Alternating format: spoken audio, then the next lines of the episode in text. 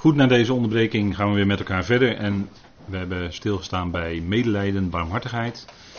En het geweldige is dat wat in Efeze 2, vers 4 staat. Dat is dat God rijk is aan barmhartigheid.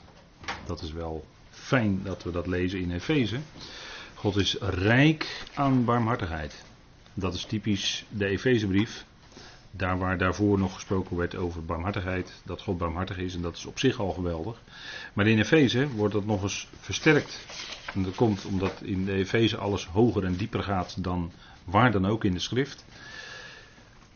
Want daar staat in Efeze 2 vers 4, God echter, die rijk is aan barmhartigheid, vanwege zijn onmetelijke liefde waarmee hij ons lief heeft. Dat is de bron. Zo staat het ook precies, blijkt ook precies uit de naamvallen hier. Die liefde is de bron. En van daaruit is God barmhartig. En dat kun je ook zeggen warmhartig. En vanuit dat warme hart van zijn liefde is hij rijk aan barmhartigheid zelfs. Hè. Zijn onmetelijke liefde. Het is heel erg veel. Het is heel erg veel. Het is voor ons niet te peilen hoe diep en hoe breed en hoe hoog en hoe ver dat gaat. Maar de dimensies worden in Efeze wel genoemd. Alleen wij kunnen dat allemaal niet bevatten, zover als het gaat. En God is rijk aan barmhartigheid, dat wil zeggen, hij, is, uh, hij betoont dat ook daadwerkelijk in al zijn rijkdom. En ons leven, hè, wij kunnen dan iets van die barmhartigheid, van die liefde doorgeven aan anderen. En mededogen betonen. En warmhartig. Ik heb deze, dit plaatje even opgezet vanwege die begrippen die daar even zo door elkaar gestrooid staan. Maar dat heeft allemaal natuurlijk wel met elkaar te maken. rijk aan barmhartigheid. Daden van barmhartigheid. En ze zeggen wel eens een daad zegt meer dan duizend woorden. Zo is het ook. Als je daad van barmhartigheid doet, dan zegt dat heel veel. En daar kun je dan bij gelegenheid ook iets aan vastkoppelen in de zin van iets vertellen over wat je mag weten, wat je zelf hebt ervaren aan die rijkdom. En dan aan anderen doorgeven. God is rijk aan barmhartigheid. Die wilde ik toch meenemen vanavond. En Epaphras, zoals u het leerde van Epaphras, onze geliefde medeslaaf. Dus het was een geliefde medewerker met Paulus samen. Hij slaafde met Paulus samen, om het zo maar te zeggen. Hè, diende als slaaf samen met Paulus in het Evangelie. En let op, hè, hij is een slaaf van God, of een slaaf van Christus. En hij is een dienaar van Christus voor jullie.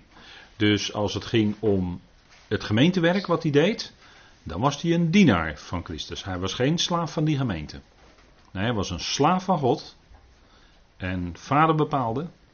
Maar hij was een dienaar van Christus in de gemeente. En zelfs een trouwe dienaar. Want uh, moet maar eens even kijken welke woorden van Epaphras hier gebruikt worden.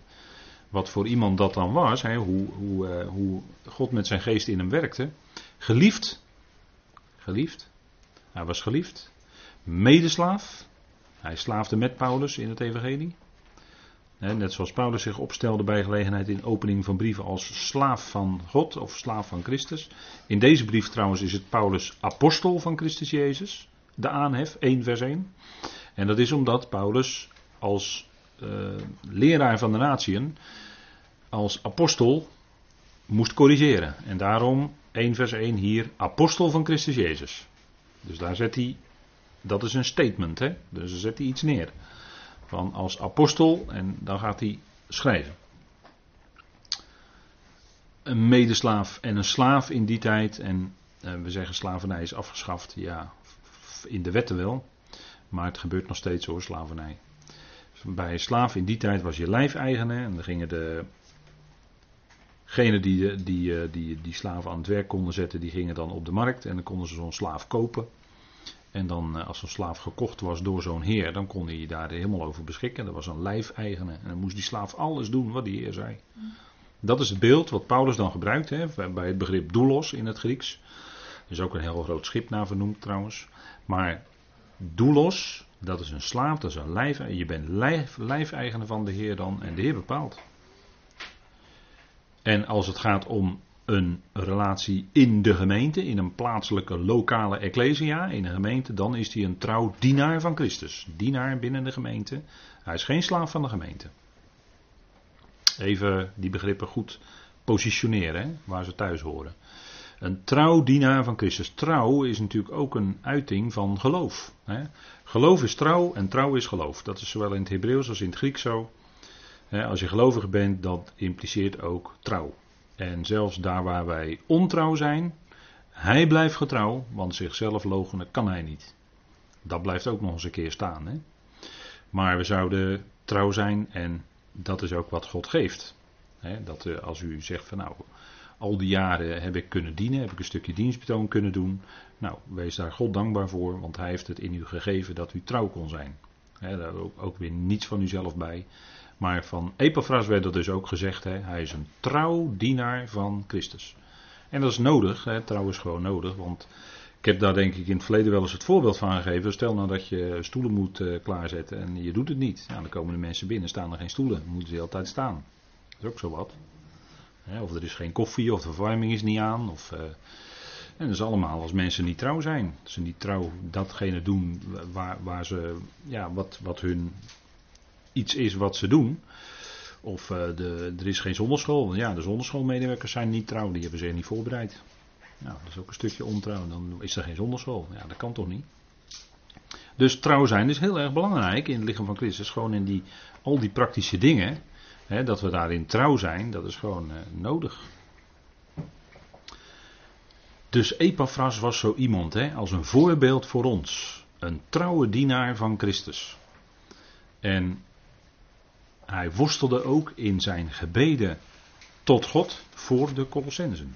Dat lezen we in hoofdstuk 4. Hij had, een, hij had een heel fijn. Hij was naar Paulus toegegaan. Hij was een van de kolossers, maar hij was naar Paulus toegegaan. Hij had bericht overgebracht aan Paulus. Daar was Paulus heel blij mee. En dankbaar. En omdat hij nu afwezig was uit Colosse, ging hij niettemin wel door met zijn gebed voor de Colossensen. Want dat lezen we in hoofdstuk 4 ook over Epaphras. In vers 12 wordt dat gezegd. Jullie groet Epaphras, die een van jullie is, een slaaf van Christus Jezus, altijd worstelend voor jullie in zijn gebeden. Dus dat was niet een, eh, een gebedje van 50 eh, seconden. Maar worstelend voor jullie in zijn gebeden. Dus dan ging die gelovige voor gelovige ging die na in zijn gebed. dan noemde hij de ene gelovige na de andere, noemde hij in zijn gebed. Die kende die. En daar worstelde hij voor bij de Heer. Zo moet je dat voorstellen. Dus dan ben je niet in een minuut klaar. Net zoals wij voor het eten wel eens doen. Heer, zegen deze spijzen, dank u me. En dan gauw aanvallen.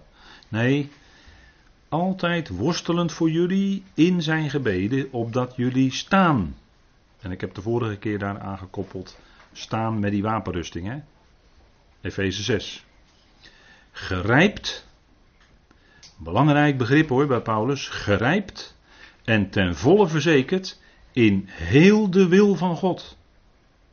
Heel de wil van God.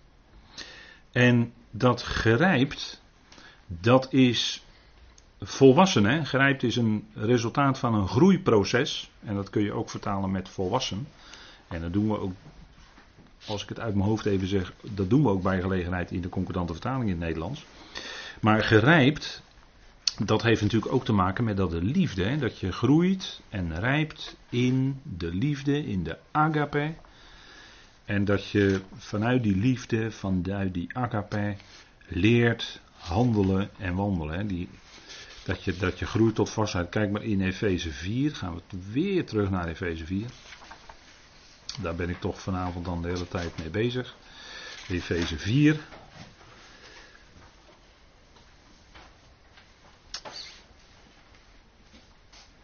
En daar lezen wij dan in vers 13. En dat is het resultaat van. En daarvoor zijn evangelisten, herders en leraars nodig. Totdat wij alle komen tot de eenheid van het geloof. En van de bewustwording van de Zoon van God. Tot gerijpt man. Hier ziet u hetzelfde woord weer, gerijpt.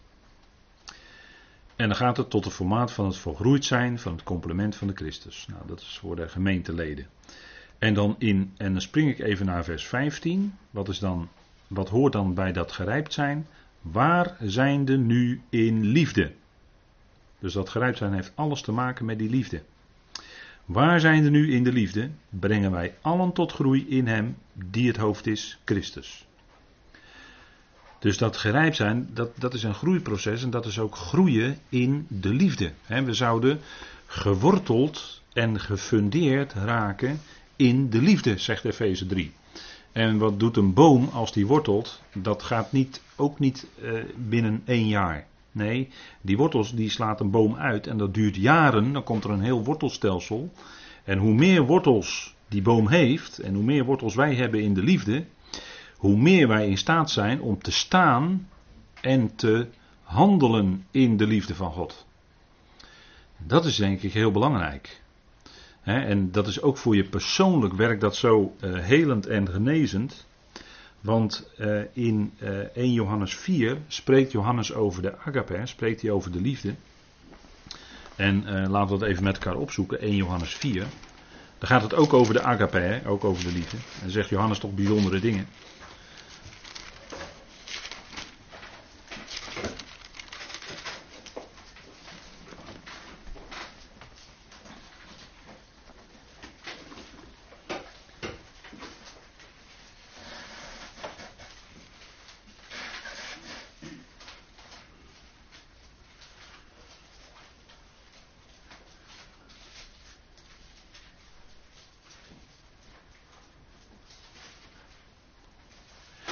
En dat, uh, dat staat dan in 1 Johannes 4, vers 18.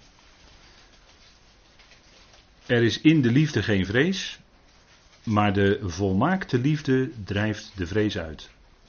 De vrees houdt immers straf in en wie vreest is niet volmaakt in de liefde. En dan staat er voor dat woord volmaakt, staat eigenlijk ook dat woord gerijpt. De gerijpte liefde drijft de vrees uit.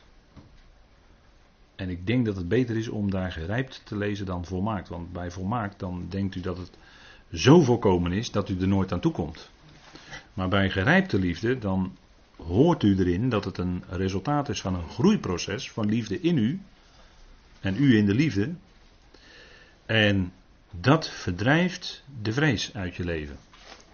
Als die liefde van God in je werkt en je gaat dat steeds beter verstaan en het gaat steeds meer in je werken, dan gaat dat, die liefde, dan gaat die gerijpte liefde, maar dat is dus een proces, dan gaat die gerijpte liefde gaat de vrees uitdrijven. Dan ben je niet meer bang voor een straf of een oordeel. Omdat je weet dat vader je lief heeft. En natuurlijk omdat je weet wat dat geweldige evangelie zegt.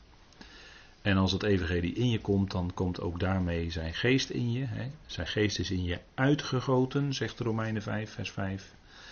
Uitgegoten in je. En ik heb de vorige keer gezegd dat zijn geen kleine druppeltjes. Maar het is echt uitgegoten in je. En daardoor is die liefde van God in je hart. En die liefde, en, en als dat je hart gaat vullen, dan gaat die vrees uit je hart verdwijnen. Dat is een proces. En dat is ook niet van een op de andere dag. Maar ik denk dat dat een fijn punt is. Dat de gerijpte liefde drijft de vrees uit. En dan is het hè, voor bij de besnijdenis vrees immers verband met straf. Hè, wat de consequenties zijn. Maar straf, dat is ook een onbijbels woord eigenlijk. Hè, met, met oordeel of veroordeling. Maar wie vreest is niet gerijpt. Wie nog vreest is nog niet gerijpt in de liefde. dus als je nog vreest, wil dat niet zeggen dat die liefde niet in je is. Maar dat wil zeggen dat het nog bezig is in dat rijpingsproces. dus ook daarin zien we weer een stukje van dat Gods woord helaas vaak op een bepaalde manier is weergegeven. Want ehm, met dat woord volmaakt, dat wordt ook dan in de bergreden. Ja, dat heeft al bij veel christenen de, veel krampen bezorgd. Maar dan staat er in de bergreden bijvoorbeeld: Wees dan volmaakt. Zoals uw vader in de hemel ook volmaakt is.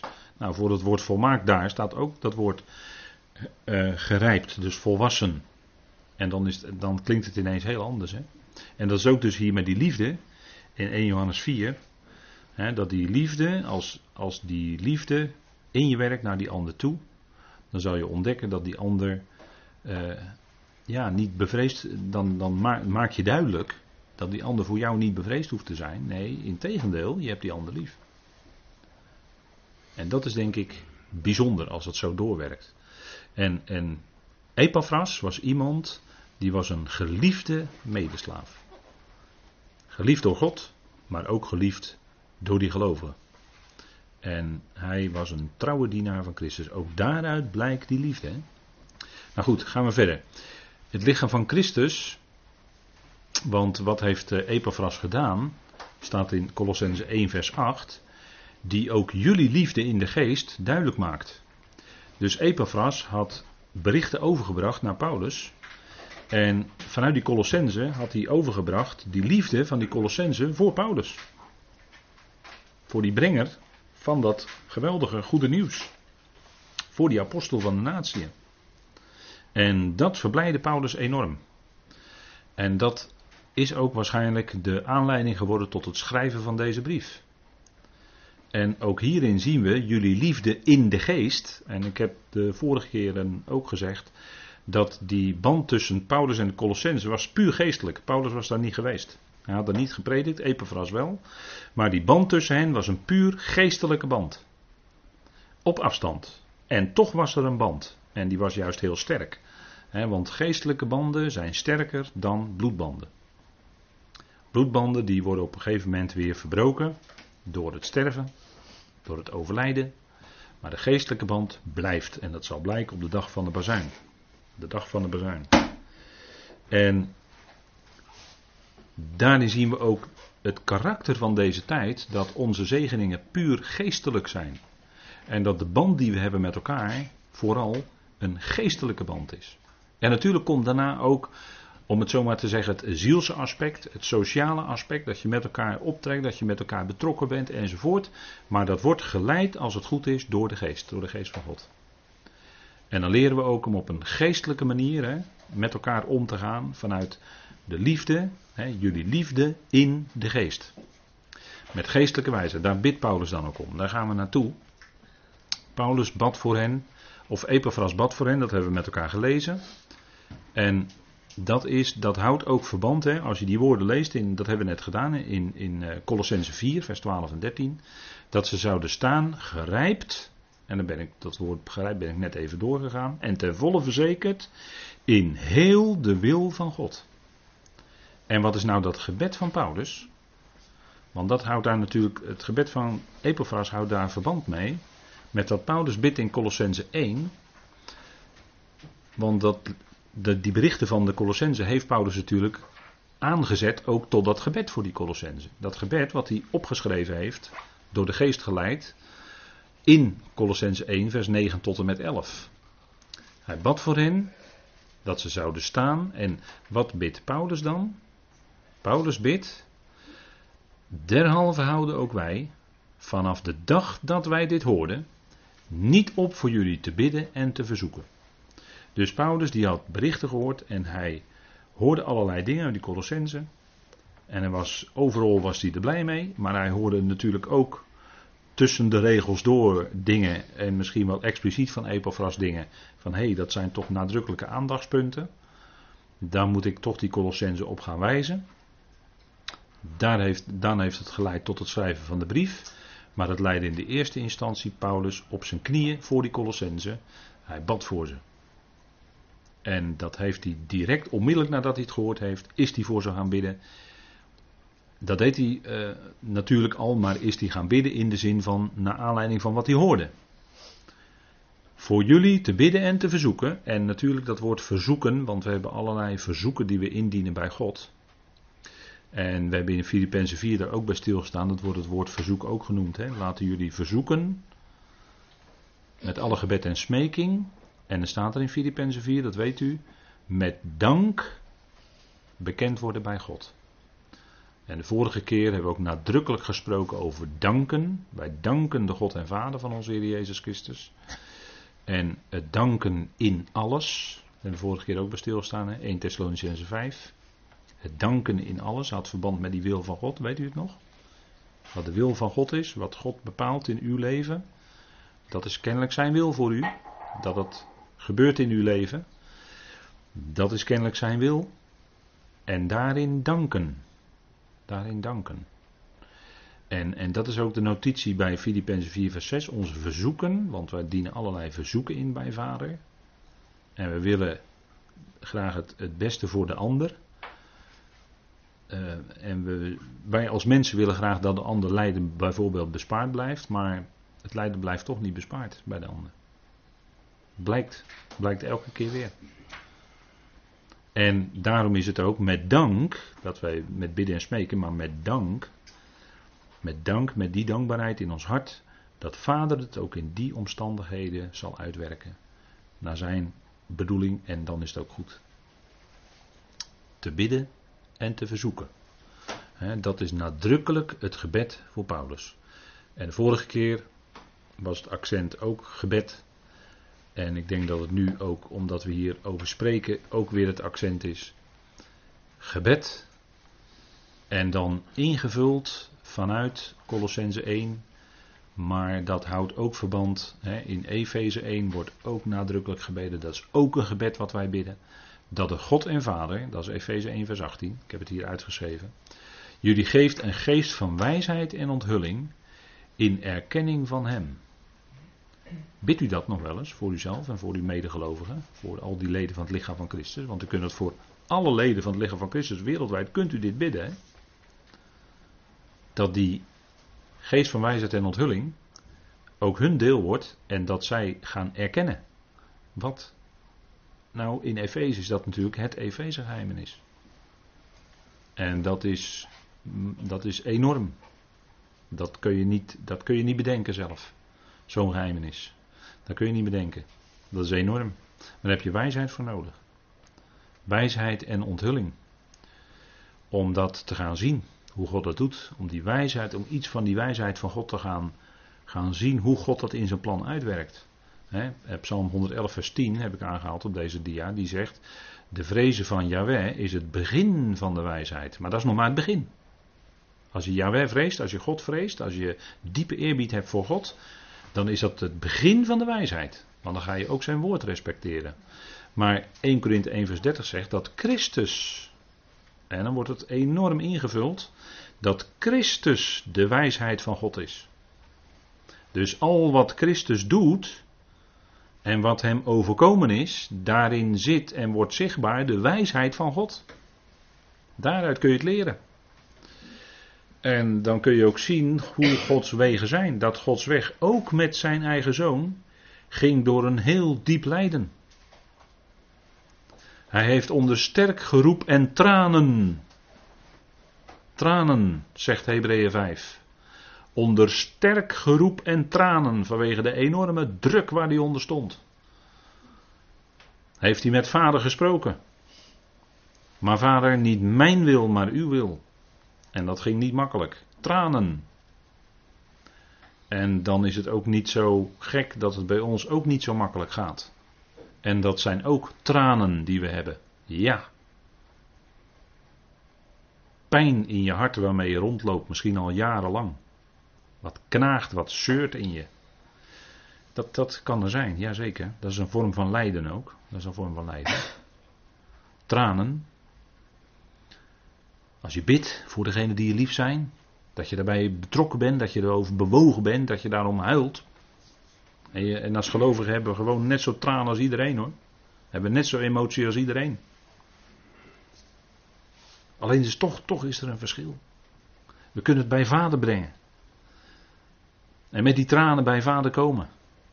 En misschien in die tranen toch vader danken. Vader, dank u wel, want u zal het uitwerken. En dan is het goed. U weet veel beter dan wij wat moet zijn. En hij ziet, hè, en dan is het uh, een van de eerste dingen, in de, in, uh, eerste dingen met de schrift is dat gebed van die psalmist. En misschien bidt u dat ook wel eens. Vader, neem de bedekking van mijn ogen weg, opdat ik zie de wonderen van uw onderwijzing. Zegt Psalm 119, vers 18. Een kostbaar woord hoor. Iets wat je kan doen.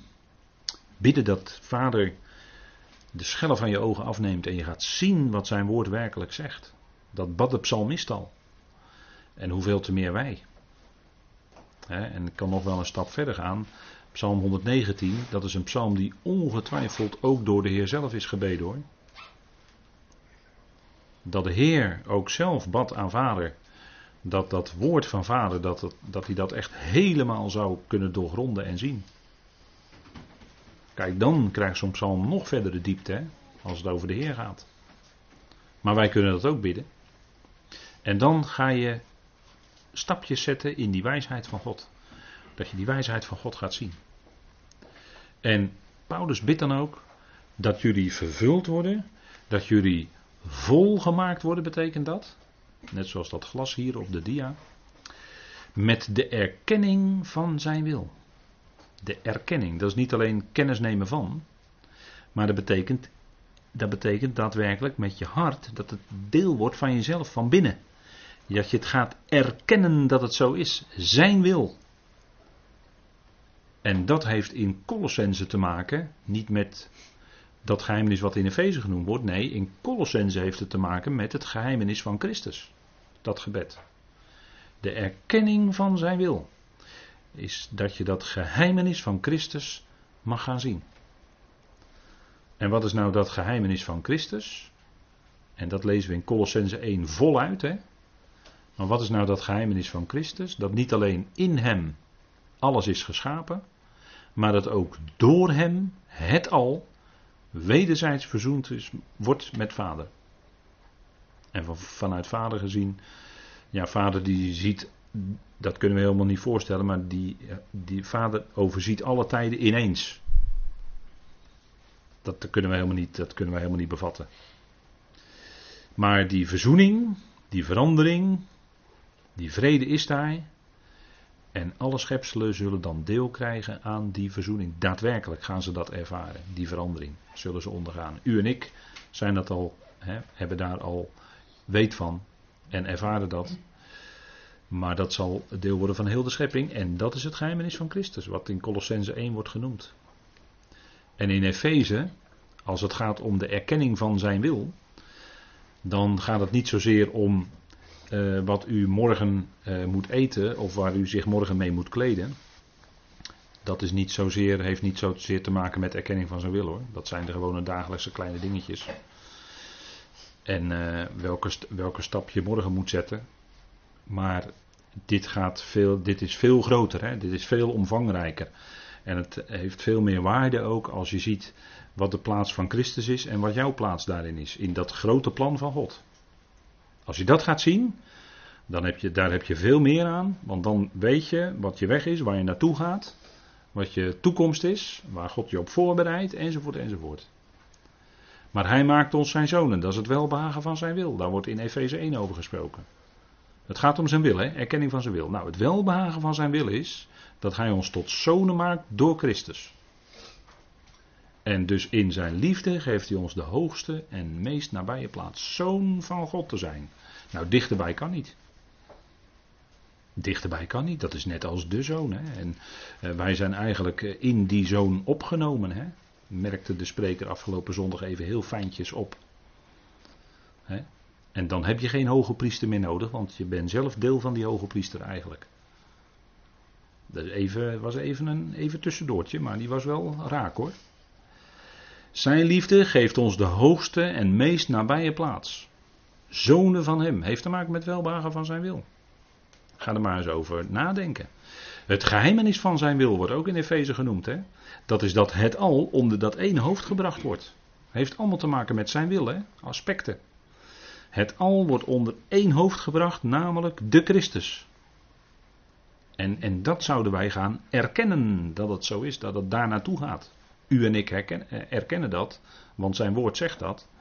Maar uh, de ongelovige eh, heeft daar totaal geen idee van en die heeft er geen benul van dat het daar naartoe gaat.